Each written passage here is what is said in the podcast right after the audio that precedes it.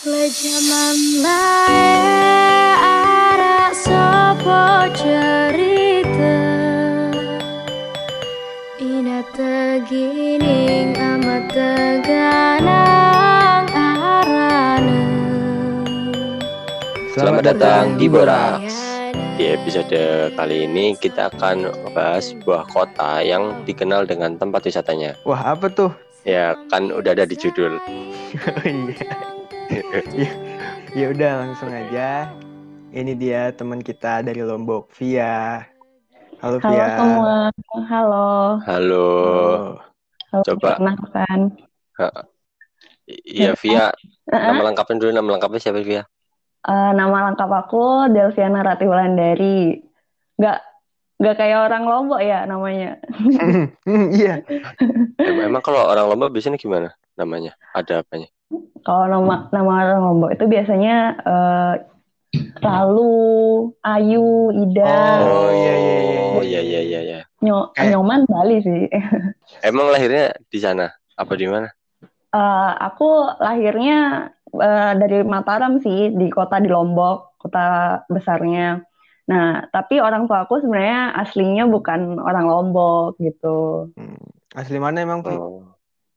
Orang tua aku dua-duanya dari Surabaya, jadi eh, semacam merantau gitu. Oh, berarti Oh. dari Surabaya merantau ke Lombok. Ya, benar. Tapi Tapi Via- dari kecil sampai gede di Lombok. Ya, sa- dari kecil sampai kul Hmm, sampai mau kuliah tuh di Lombok. Sekarang kesibukannya apa nih, Ve? Kesibukannya eh, kuliah, liburan, ngegambar. eh, emang Via asalnya di Lombok mananya, Vi? Aku di eh, pusat kota Lomboknya itu di Kota Mataram. Jadi- Hmm, Eh, Lombok apa Nusa Tenggara itu kan ada Lombok sama Sumbawa. Nah, aku di Lomboknya gitu. Berarti kalau Lombok Oh, itu Mataram. kotanya di kota Mataram itu ya? Iya. Nah, sekarang kita eh, bahas ke bahasa, Vi. Mm-mm. Bahasa Lombok tuh kayak gimana sih, Vi? Coba deh jelasin. Eh, sebenarnya kalau selama aku apa tinggal di sini sih, aku merasa orang-orang sini tuh ngomongnya ngegas. Ngegas gitu. Kegas gimana maksudnya? Jadi suka Contoh-contoh contoh. teriak-teriak gitu.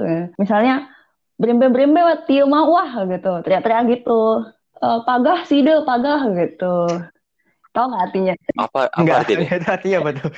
Apa artinya? Kalau misalnya brembe-brembe tiu mau wah, itu maksudnya gimana-gimana kamu mau deh gitu. Hmm, terus. Oh, Nah, satu tadi apa? kalau yang satunya pagah, pagah itu artinya nggak bisa dibilangin.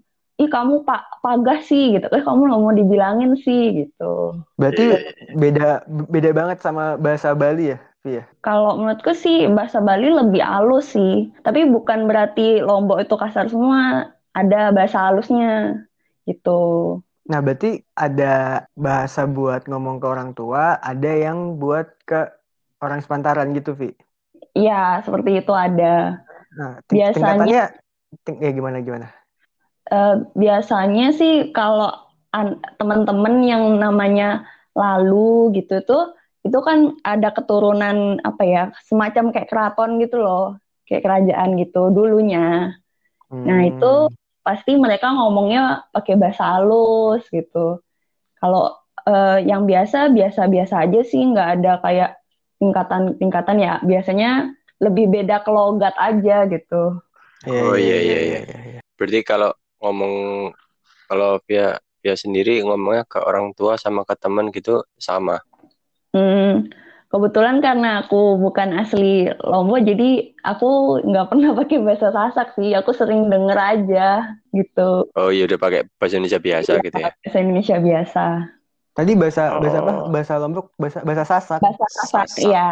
Kalau bahasa Indonesianya di sini tuh lebih halus gitu daripada bahasanya orang Sura apa Su- Jawa atau orang Jakarta gitu. Misalnya kan kayak kemarin tuh eh, kalau aku di Jakarta agak eh, apa ya? Agak berarti hubungannya udah deket. Kalau Iya. tapi aku di Jawa itu biasa aja. Nah, sedangkan kalau di Hmm. Lombok itu bilang aku gue itu kasar gitu loh. Jadi Oh, Oh bilangnya saya ya. Iya, harus bilang saya. oh, Oh, iya, iya. baru baru Ah. tahu nih. ya gitu. Berarti emang Iya. emang lebih baku kalau di sana tuh ya. Iya, lebih baku. Nah, ngebahas Hmm. keseharian, eh, Mm-mm. keseharian sekolah di sana tuh gimana sih? Maksudnya kayak masuknya tuh jam berapa kalau di sana? Kita soalnya sama WIB di, di sana tuh Wita kan. Iya, Wita. Nah, Hmm. masuknya jam apakah jam setengah tujuh, jam tujuh apa gimana, Vi? Masuknya sih jam 7 pagi sih ya. Jam Nah, tujuh. ah-ah. kita kan biasa eh, siap-siap udah dari jam setengah enam gitu kan. Ya di sini Hmm. masih gelap banget sih, tapi dingin sekali. Nah, itu kalau misalnya masuk, kalau telat, itu pagarnya ditutup, nggak boleh masuk lagi apa gimana, Vi? Eh, kalau dulu zamanku SD, itu biasanya kita ditutup pagar kan. Itu kita harus menyelesaikan senam dulu. Kan biasanya tuh ada senam pagi, biasanya tuh SD. Mm-mm. Nah, biasanya tuh menyelesaikan senam dulu, nanti yang eh, di dalam sudah masuk, nah baru tuh yang telat-telat dimasukin, disuruh bersih-bersih lah, disuruh eh, apa hormat eh, tiang lah, kayak gitu. Jadi kadang malu sih pas eh, disuruh senam di luar jalan gitu. Disuruh namanya di luar jalan. Iya, di depan, di Oh, pinggir iya. jalan gitu. Itu dari Oh, lebih gimana gimana? gitu.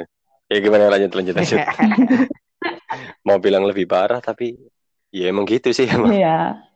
SMP, SD sih. Kalau SMP, SMA, Ah, SD. iya itu pas SD.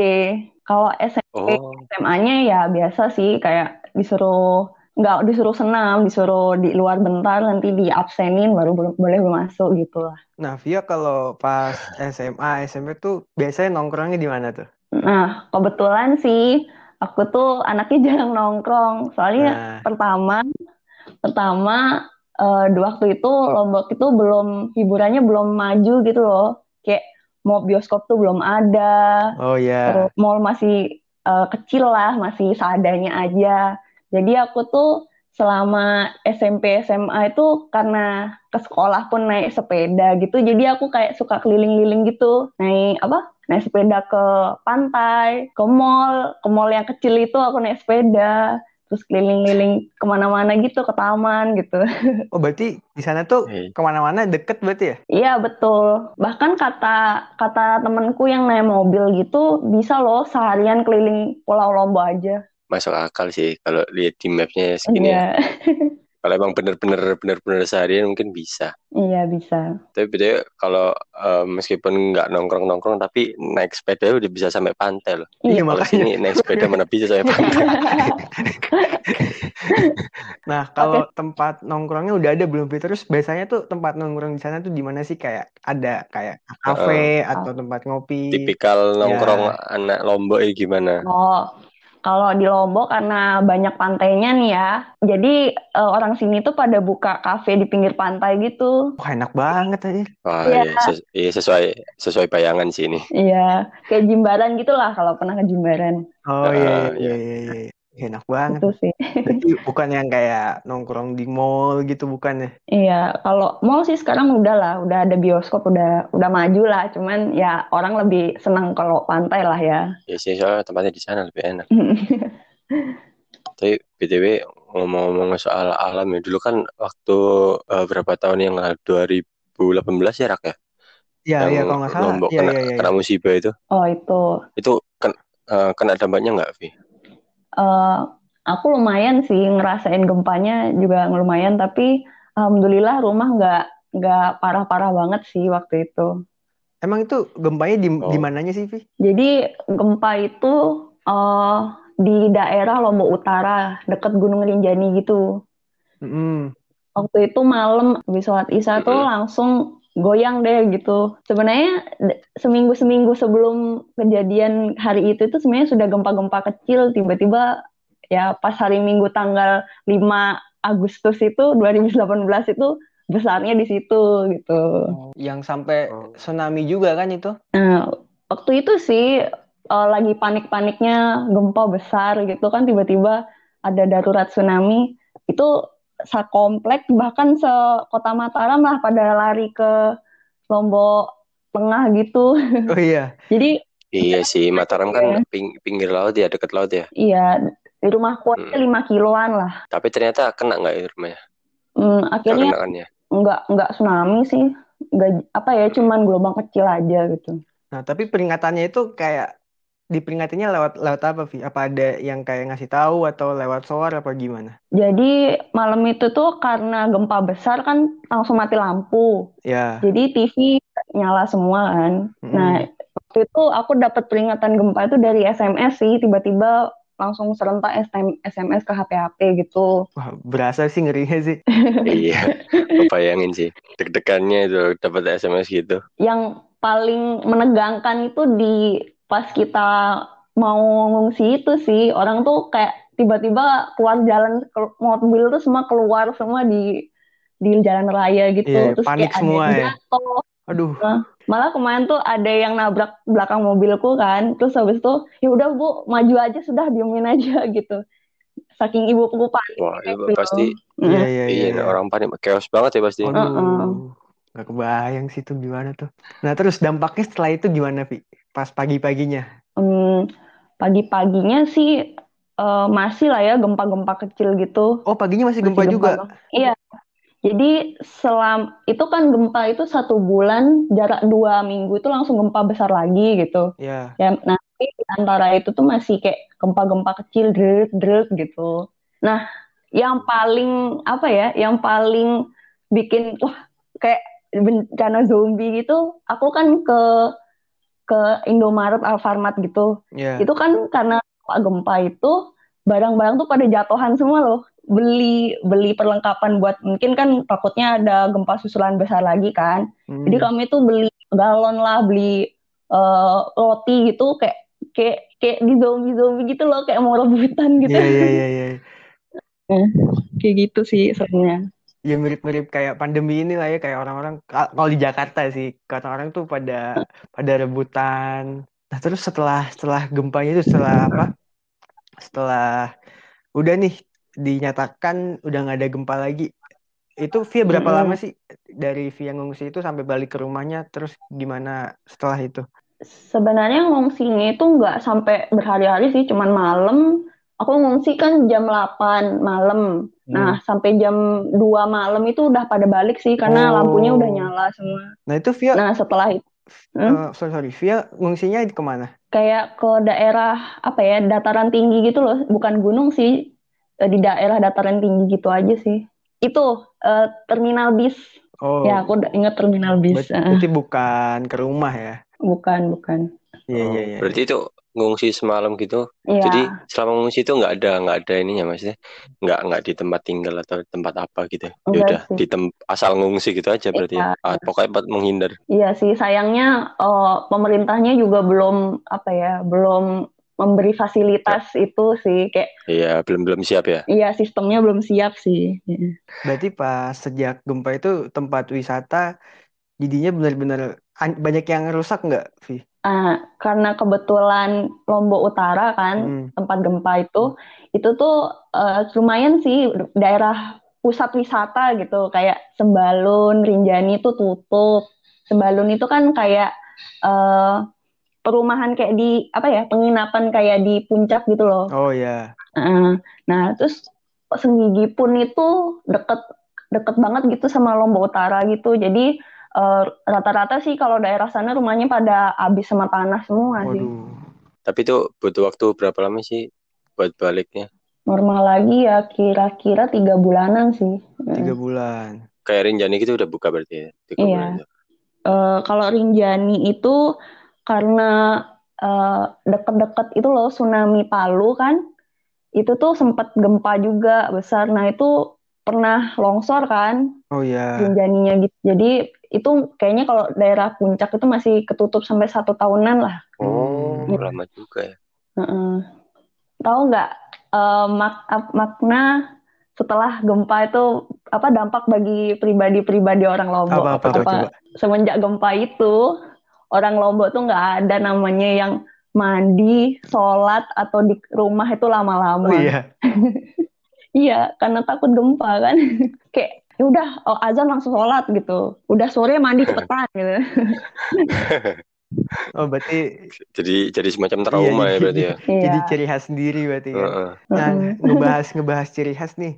eh di sana tuh ada ciri khas apa aja sih, Vi? Kayak tradisinya, Eh, kalau tradisi sih yang paling orang tunggu-tunggu tuh bau nyale. punya itu apa tuh? Bau nyale itu jadi eh, semacam eh, cacing ya, cacing yang muncul di pantai. Nah, cacing itu biasanya ditangkepin sama orang sekitar. Hmm, Nah, itu katanya cacing itu tuh bisa menyuburkan atau bikin stamina tinggi gitu. Jadi sering diburu gitu. Nah, wisatawan dari luar itu kadang suka, kadang kita sih yang remaja juga itu suka nginep semalaman gitu loh, buat nungguin si cacing itu muncul iya. gitu. buat nyari cacing doang itu. Iya, karena cacingnya itu walaupun dilihat dari deket itu warnanya hitam, tapi dia kayak warna-warni gitu loh dari jauh gitu. Hmm, Hmm, terus cara makannya dimakan langsung gitu. Eh, cara makannya itu biasanya dipepes. Tapi emang enak. Kalau untuk pet- nah se- selama ini aku belum makan sih kata tapi kata tapi kata orang sih rasanya kayak ya udah gitu nggak ada rasa apa-apa gitu kayak langsung telan aja. Iya. Tapi sebenarnya itu ada ceritanya loh. Gimana gimana gimana ceritanya? Jadi ceritanya itu ada putri Ya. eh, dari Lombok direbutin sama dua pangeran. Hmm. pangeran ini dua pangeran itu kayak bener-bener sa- saling kayak sam- sambil apa ya saling berantem gitu loh sampai eh, membahayakan masyarakat dah. Hmm. Nah akhirnya si putri ini nggak mau lah mereka kayak bertengkar terus gitu, nggak mau lah akhirnya di akhirnya si putri ini kayak ya sudah aku mau mau apa ya mau menyeburkan diriku saja aku mau merubah bentukku agar bisa lebih bermanfaat bagi masyarakat gitu.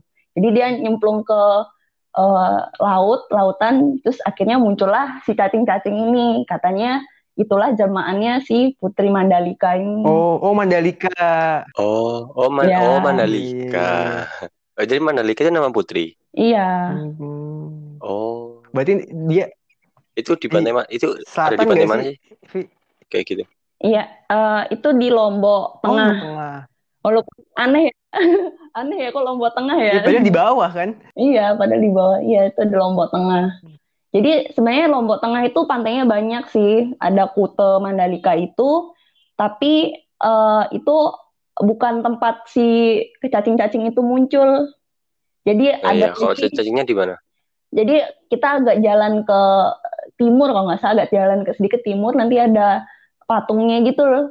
Put- patung putri dikejar-kejar sama laki-laki Oh, itu ada kayak gitu. semacam Nah, di situ- monumennya ya? Ya, Iya, iya, iya. mm-mm. Tapi itu masih satu lokasi sama kutanya itu. ya masih lah, masih masih. Oh, Nah ini ngomongin Mandalika, itu kan katanya mau jadi tempat wisata yang eksklusif kan? Hmm, udah udah pernah ke sana belum selama eh, apa dibangun sirkuit itu? Eh, aku sih kemarin terakhir pas eh, liburan tahun baru sih ke sana. Masih dalam tahap proses anu sih pembangunan sih. Jadi belum belum bisa ngeli, belum bisa kelihatan. Nah, tapi Hmm. struktur struktur di sana misalnya kayak rumah sakit itu udah udah lumayan siap sih, udah mulai-mulai dibangun. Jadi kayaknya bakal jadi kota kedua dari Lombok. Oh iya iya iya sih bakal dilihat Ya, orang jadi tempat sedunia wisata soalnya. baru kan, Iya. Mak. Heeh. Nah, tadi Tapi kan rencananya, re- rencananya kan kalau nggak 2000 berapa 2022 atau 2023 gitu kalau Iya, baru dipakai. Nah, tadi udah nih Vi bahas Mandalika, tadi udah Mm-mm. sempet juga bahas Gunung Rinjani. Eh, ada tempat wisata apa lagi sih, Vi di Lombok itu? Hmm. Yang khas yang rame diomongin lah. Sebenarnya kalau apa namanya wisata apa pun ada sih, kayak puncak ada, pantai, Mandalika, Senggigi, Pantai Pink, Tanjung Bias Hmm, banyak lah. pantai- Air terjun pun Ya, ya. ada. Mm-mm. Yang khas tuh pantai pantai Pink ya? Kalau Iya. Pantai Pink itu jarang jarang di, iya sih memang terkenal sampai luar Hmm. gitu, cuman eh, aksesnya ke sana tuh masih sulit banget Oh, sih. iya. Aku aja nggak pernah ke sana. Iya sih, soalnya kalau ngelihat fotonya orang itu mesti pantai itu sepi. Mm-mm. Kalau itu apa sih namanya bukit-bukit itu yang bagus itu apa sih namanya Vi? Bukit Eh, Pegasingan ya, ma, ma, ma- Mer- merese, Apa namanya? merese, Merese, merese. iya iya. ah, oh itu bahasanya oh bacanya merese. Heeh. daerah Lombok eh, Tengah itu, da- da- daerah sama Kute itu. Hmm. Jadi tuh bukit ya lumayan sih tinggi tapi masih di climbable lah. Masih enak, masih buat jalan Hmm. enak. Ya lumayan sih pemandangannya sih kalau harus ke sini sih kalau mau mau ngelihat Iya, iya, iya, iya, bisa iya. diceritain. Kayak kayaknya harus muter selombok kayaknya. Ada juga kan itu apa namanya? Ya, Gili. Gili. Gili-gili itu masuk ke bukan? Lombok nggak sih, Vi? Eh, itu ya jelas lah beda Ah. pulau ya. Cuman ya masih daerah NTB Oh, gitu. Masih masih satu provinsi lah. Ya provinsi. Itu Tapi kalau Gili Trawangan itu di bagian ini ya kalau nggak salah barat ya. Barat atas lah utara ya. Iya betul sih. Iya betul. Masuk ke daerah Lombok Utara dia. Hmm. Berarti kalau mau muter Lombok kayaknya harus semingguan gitu ya di sana. Iya, bener. Iya, langsung keliling sa Lombok. Kayaknya kurang sih kalau kalau mau semua. Iya. Emang ada apa lagi, Vi? Eh, sekarang sih yang eh, lagi dibangun kan karena wisata Hmm. halal nih. Jadi ada tuh namanya Islamic Center. Jadi sebenarnya Islamic Center itu kayak masjid besar sih kayak gimana ya? Ya masjid besar gitu. eh, pusatnya eh, masjid-masjid di Lombok gitu. Nah itu kebetulan depan SMA aku Oh. dulu. Jadi kalau sholat pasti langsung ke sana. Oh, di Mataram ya, Vi, berarti, Vi? Iya, pusat Mataram. Sebenarnya eh, Pulau Lombok itu ada sebutannya Apa? loh, Apa, Pak? Pulau Seribu Masjid. Oh iya. Baru, Iya, baru, baru tahu. Oh, gak, gak kepikiran malah. iya, Loh, emang kalau Lombok mayoritas Muslim ya? iya mayoritasnya Muslim. Oh. Yang kedua Hindu. Justru justru Oh. Muslim ya, baru baru baru tahu. Iya. Iya kan? Iya, malah mikirnya itu karena jadi sama kayak. Mm-mm. Heeh, malah seribu masjid malahan. Iya, habis gempa sebutannya Apa apa, yuk? Seribu tenda. boleh boleh boleh boleh boleh. Boleh boleh. Nah, tadi udah nih ngomongin tempat wisata, ngomongin tradisi. Sekarang kita ngomongin kuliner. Ya, kuliner yang Kuliner. khas. Yang khas di sana apa aja, Vi? Waduh, ini ngomonginnya sambil anu ya, sambil aduh membayangkan makanan di depan gimana, ya. gimana, gimana. Jadi mayoritas eh, makanan Lombok itu eh, pedas. Hmm. Eh, itu bu- pedasnya bukan merica, bener-bener cabai keriting, kering. Aduh, siap tuh. Kesukaannya Raka itu suka, kayaknya, Vi. suka. Jadi yang paling terkenal itu sayuran Pecing. pecing.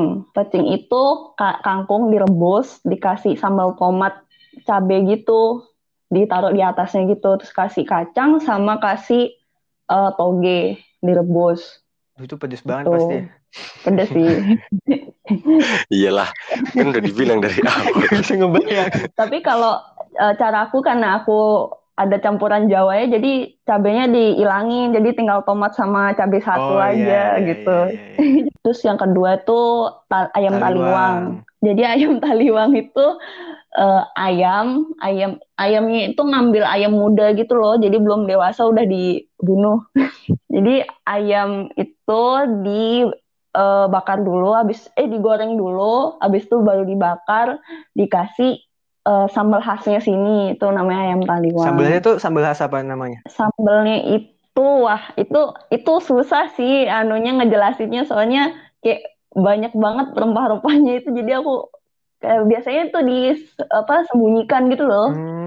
Jadi eh, semacam resep rahasia lah Hmm, iya. taliwang. Terus ada apa lagi ya? Ada sayur lebui. Lebui. Jadi sayur lebu itu anggap aja kayak rawon, tapi nggak ada dagingnya. Isinya itu eh, ke kedelai, kedelai hitam sama eh, itu daun daun cabe.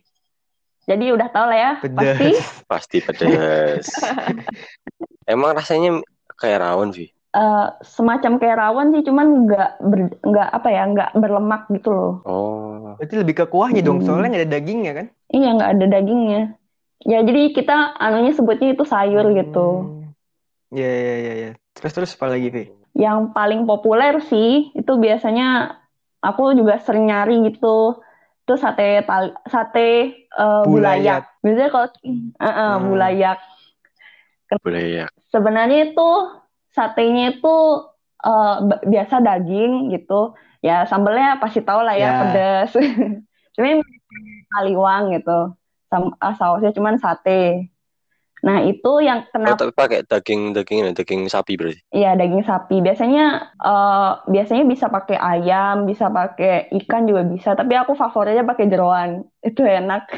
Terus itu kenapa dibilang bulayak? Eh, karena lontongnya itu dilipet jadi kayak kotak-kotak gitu loh, Hmm. kotak-kotak segi panjang. Jadi kayak bukan kayak onigiri bukan? Hmm, Onigiri, lebih onigiri kan Oh iya, ini segitiga. iya, Gimana sih? Jauh iya, iya, oke oke oke. Wah. Bulayak. Bulayak Sampai mana tadi ngomongnya? kotak Sampai kotak. lontong. Lontong, lontong. Ya. Heeh. Nah, itu biasanya ditemuinnya di daerah eh, Senggigi, Ampenan, atau Narmada. Dari mana Vi? Mana itu rak? Nah, Senggigi itu daerahnya di Ya. barat, pinggir pantai barat. Kalau Narmada itu di tengah, di daerah Lombok Timur. Nah, Narmada itu kebetulan daerah wisata pemandian sumber mata air gitu. Jadi biasanya kalau sana sekalian ke sana, sekalian Hmm. makan sate gitu ya. Ya, sekalian Iya, iya, berenang iya, iya, gitu. iya. Tapi ya, makanan-makannya belum pernah denger sih sebelumnya. Cuman ini kayaknya ayam Iya, taliwang taliwang. tadi pernah denger. Tapi belum belum pernah belum pernah nyobain juga sih. Eh, sebenarnya kayak ayam bakar sih, kayak ayam bakar. Cuman eh, sambelnya tuh eh, minyak tapi kayak kental gitu. Hmm, ya ya ya. Boleh lah, boleh lah sini lah. Ya itu Raka Next ya, katanya mau ya. ke sana. Direncanakan, Next ya, next. direncanakan. Next. Siap, siap. Terus nih Vi eh, dari ciri khas ciri khas Lombok yang udah diceritain tadi ya. Mm-mm. Itu kira-kira langkah-langkah orang sana buat melestarikannya itu kayak gimana? Da- atau dari pemerintah juga Eh, apa itu dari dulu sampai sekarang tetap dilaksanakan dengan cara yang sama atau makin lama makin luntur, makin sepi gitu kan biasanya kan gitu kan kalau sekarang. mm-mm, mm-mm. Dari segi budayanya, Vi, ada nggak upaya dari pemerintah atau dari warga setempat untuk melestarikan? Nah, eh, biasanya dulu itu sebelum COVID, kalau untuk tradisi makanan ya, itu biasa ada bazar bazar masyarakat gitu loh, kayak pasar rakyat gitu. Itu malah bukan beli makanannya, kita malah dikasih gratis Oh, dari iya. pemerintahnya gitu. Jadi ke kantor gubernur gitu, ada bazar makanan, kita bebas ngambil. Nah, sekalian di situ juga ada pem- apa pementasan seni, ada eh, tarian-tarian juga gitu. Jadi kadang juga eh, manggil-manggil dari luar. Jadi mereka kan eh, orang luar kan lebih paham. Oh Lombok itu kayak gini tuh, nggak eh, nggak sama Oh, kayak iya, iya. Bali gitu. Iya, iya, Kan iya, sering iya. disampaikan. Iya, heeh. Sama kayak aku tadi mikirnya kayak Beda gitu sih. banget ternyata. Ternyata beda ya, ternyata. Beda. Mm-mm. beda banget. Kalau dari kayak tarian-tarian gitu, ada nggak, Vi, yang dari Lombok? Eh, yang aku inget ya itu ada sih tarian namanya tari gandrung. Nah sebenarnya itu ada akulturasi dari Oh, Bali ya. juga sih. Jadi di Bali juga sering. Jadi tarian itu kayak mengajak para eh, penonton tuh juga ikut Hmm. nari gitu loh. Jadi pertama nari biasa. Tuh akhirnya penarinya keliling gitu. Jadi kipasnya tuh ditepukin ke cowok misalnya nanti sudah harus nyari bareng di, di, di panggung gitu. Hmm, iya, iya, iya. iya. Sa- Sampai sekarang masih ada nggak tari itu? Maksudnya Oh sering-sering iya. sering dipentasin nggak? Kalau di di eh, SMA aku itu ada perkumpulannya gitu, jadi sering nari, nah nari-nari gandrung gitu. Biasanya anak KM KMH sih, komunitas mas apa mahasiswa Hindu gitu. Iya, iya, iya. Kalau Berarti masih ya, sam- masih sam- sampai sekarang masih ya itu ya. Iya masih. Malah kami tuh apresiasi banget sama eh, teman-teman kami yang orang Hindu. Mereka lebih eh, sering mementaskan itu daripada orang Lombok sendiri gitu. Hmm, Lebih semangat mereka gitu. Oke, terus udah ada dari apa aja tadi ya? Tradisi udah, kuliner udah, wisata udah. Kalau dari dari Lombok ini pahlawan ada nggak sih? Vi? Ada, sebenarnya banyak sih, eh, dan mayoritas Oh, itu ya. ulama. Nah, Mm-mm. nah, mm, Mm, kan bekas kerajaan ya sana ya. dulu Mataram. ada kerajaan Mataram. Itu dulu padahal Hindu loh. Tapi karena ulama-ulama ini masuk ke Lombok, ya seperti Sunan Kali apa Ya, ya ya. tujuh wali itulah wali Songo Ah, ya sembilan nah itu eh, jadi yang paling terkenal itu namanya Muhammad Zainuddin Abdul oh, Zainuddin Abdul Majid. Majid. Ya, ya, ya. nah itu baru kan dan sama Pak Jokowi sudah ditetapkan Ya, sebagai pahlawan nasional Emang dia kenapa bisa Terus jadi di- pahlawan, Vi? Eh, kalau yang ku tahu ya, dia tuh pembi- apa pemimpin NW di Lombok. Jadi dia tuh dulu yang pertama mengajarkan Oh, Islam, bagaimana iya, mengajar iya, ngaji. Nah, Makasih. kebetulan eh, an- cucunya kalau nggak salah ya, cucunya itu jadi gubernur eh, periode lalu, Bapak Muhammad eh, Oh, itu Zainul. Majni. Ya, jadi gubernur. Nah, sekarang kan ja- eh, pahlawan untuk mengenang pahlawan ini, jadi dijadikan nama bandara sekarang. Dulu tuh sebenarnya Bandara Internasional Lombok atau BIL, tapi sekarang diganti. Jadi Bandara Oh, Zainul jadi nama Abdul bandara Majid. sekarang. Oh, Iya. iya iya. Oke, Vi, yang terakhir nih, Vi. Oh, Harapan Ah, yang buat terakhir. Lombok Mm-mm. ke depannya tuh mau jadi kota yang kayak gimana sih? Mau jadi daerah yang kayak gimana sih? Harapanmu apa? Harapanku sih untuk untuk Lombok semoga pendidikannya lebih maju karena itu sih yang menurutku masih kurang dari Lombok. Terus eh, sehingga eh, bisa mengimprove lagi pariwisatanya dan eh, jangan mau kalah jangan mau di apa ya diperkerjakan terus sama eh, Iya, iya, orang iya. luar seperti itu. Hmm, udah cukup Vi. Ada lagi? Oke. Cukup sih. Ya udah semoga semoga harapan dari Oke, Via kalau dapat gitu. tercapai dan terima kasih juga nih buat Via yang udah mau Iya, nyempatin amin. waktunya untuk diundang ke podcast kita. Ya, Iya. makasih loh teman-teman udah ngundang. Mohon maaf buat para pendengar mungkin belum bisa udah mempresentasikan kok dengan sempurna. ya udah keren Ah. tapi Udah bagus kok. tapi uh, jangan, jangan membuat kalian aduh lombok nanti nanti harus dong harus ke lombok eh, lombok itu ini kalian bakal nggak nyesel itu sih Oke, makasih Via. Oke, makasih Via. Sama-sama. Sampai jumpa di episode Borak selanjutnya.